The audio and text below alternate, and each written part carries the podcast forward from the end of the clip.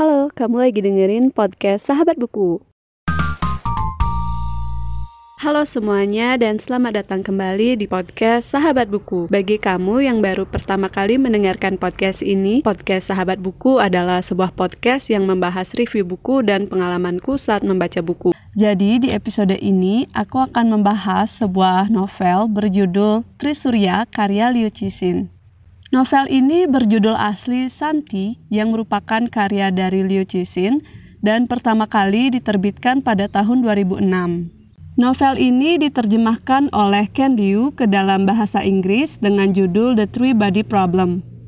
Nah, untuk versi bahasa Indonesianya, novel ini diterjemahkan oleh Oni Suryaman dengan judul Tri Surya.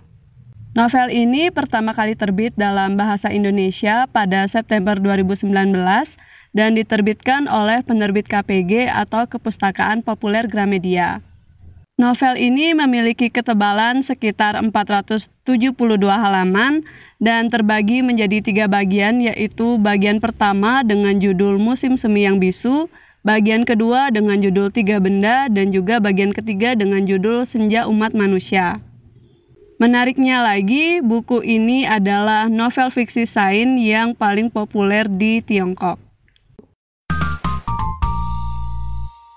Selanjutnya, aku akan membahas sinopsis dari novel ini, yaitu novel ini diawali dengan adanya revolusi kebudayaan di Tiongkok dan terdapat sebuah peristiwa mengerikan yang harus dihadapi oleh seorang anak perempuan yang bernama Ye Wenjie. Dia menyaksikan kematian ayahnya yaitu Ye Zetai dalam revolusi kebudayaan itu. Hal ini benar-benar mengubah hidupnya, dan setelah peristiwa itu, dia lalu menjadi peneliti di sebuah tempat yang disebut sebagai Pangkalan Pantai Merah. Cerita dari novel ini lalu berlanjut kepada tokoh yang bernama Wang Miao. Dia adalah seorang peneliti, khususnya peneliti nanomaterial, dan juga seorang pencipta pisau terbang. Wang Miao sendiri nantinya akan bertemu dengan Si Qiang atau Dashi yang nantinya akan menyelidiki sebuah fenomena, yaitu fenomena bunuh diri para ilmuwan. Lalu apa sih hubungannya ketiga tokoh ini, Ye Wenjie, Dashi, dan juga Wang Miao? Dan apa yang akan terjadi? Untuk mengetahui lebih lanjut, kamu bisa membaca kisah lengkapnya di novel Trisurya. Selanjutnya, aku akan membahas fakta-fakta menarik dari buku ini. Yang pertama adalah novel ini merupakan pemenang Hugo Awards 2015 yang juga mengantarkan penulisnya yaitu Liu Cixin sebagai penulis Asia pertama yang mendapatkan penghargaan ini. Yang kedua, buku ini sedang dipersiapkan untuk menjadi serial oleh kreator Game of Thrones yaitu D.B. Weiss dan David Benioff. Dan yang terakhir, buku ini juga merupakan nominasi sebagai karya fiksi terbaik di Kurt Lovewitz Prize pada tahun 2017 dan juga Premio Ignotus. Nah, ini adalah bagian terakhir dari episode ini, yaitu aku akan menceritakan pendapat pribadi aku setelah membaca buku ini. Yang pertama, buku ini cukup berat tapi menarik banget. Bisa dibilang buku ini cukup berat karena di beberapa bagian, mungkin di banyak bagian di awal sih ya, ada teori-teori fisika yang menurutku kurang relate gitu dan aku nggak terlalu paham itu teori-teori tentang apa.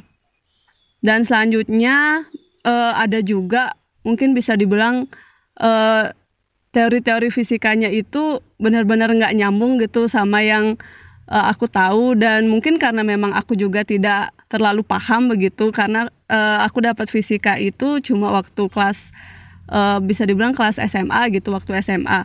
Tapi selain itu uh, bisa dibilang alurnya tuh cukup menegangkan dan misterius khususnya di tengah sampai akhir cerita. Jadi mungkin waktu kamu baca di awal itu bakal sedikit membosankan, tapi kalau udah bisa ke tengah, apalagi sampai bisa menyelesaikan novel ini, aku yakin menurutmu novel ini pasti bakal menarik banget. Dan selanjutnya, mungkin menurutku buku ini bukan buku yang bisa kamu baca sekali duduk atau dibaca cepat-cepat karena e, mencerna novel ini tuh seakan harus e, bisa dibilang butuh waktu gitu. Dan juga selain itu, menurut aku novel ini bisa dijadikan tantangan buat kamu yang ingin membaca buku yang cukup berat karena menurut aku buku ini cukup berat dan bukan bacaan yang ringan gitu. Jadi, mungkin buku ini bisa dimasukkan ke tantangan baca kamu. Oke, jadi sekian dulu untuk review buku kali ini. Terima kasih sudah mendengarkan dan sampai jumpa di lain kesempatan.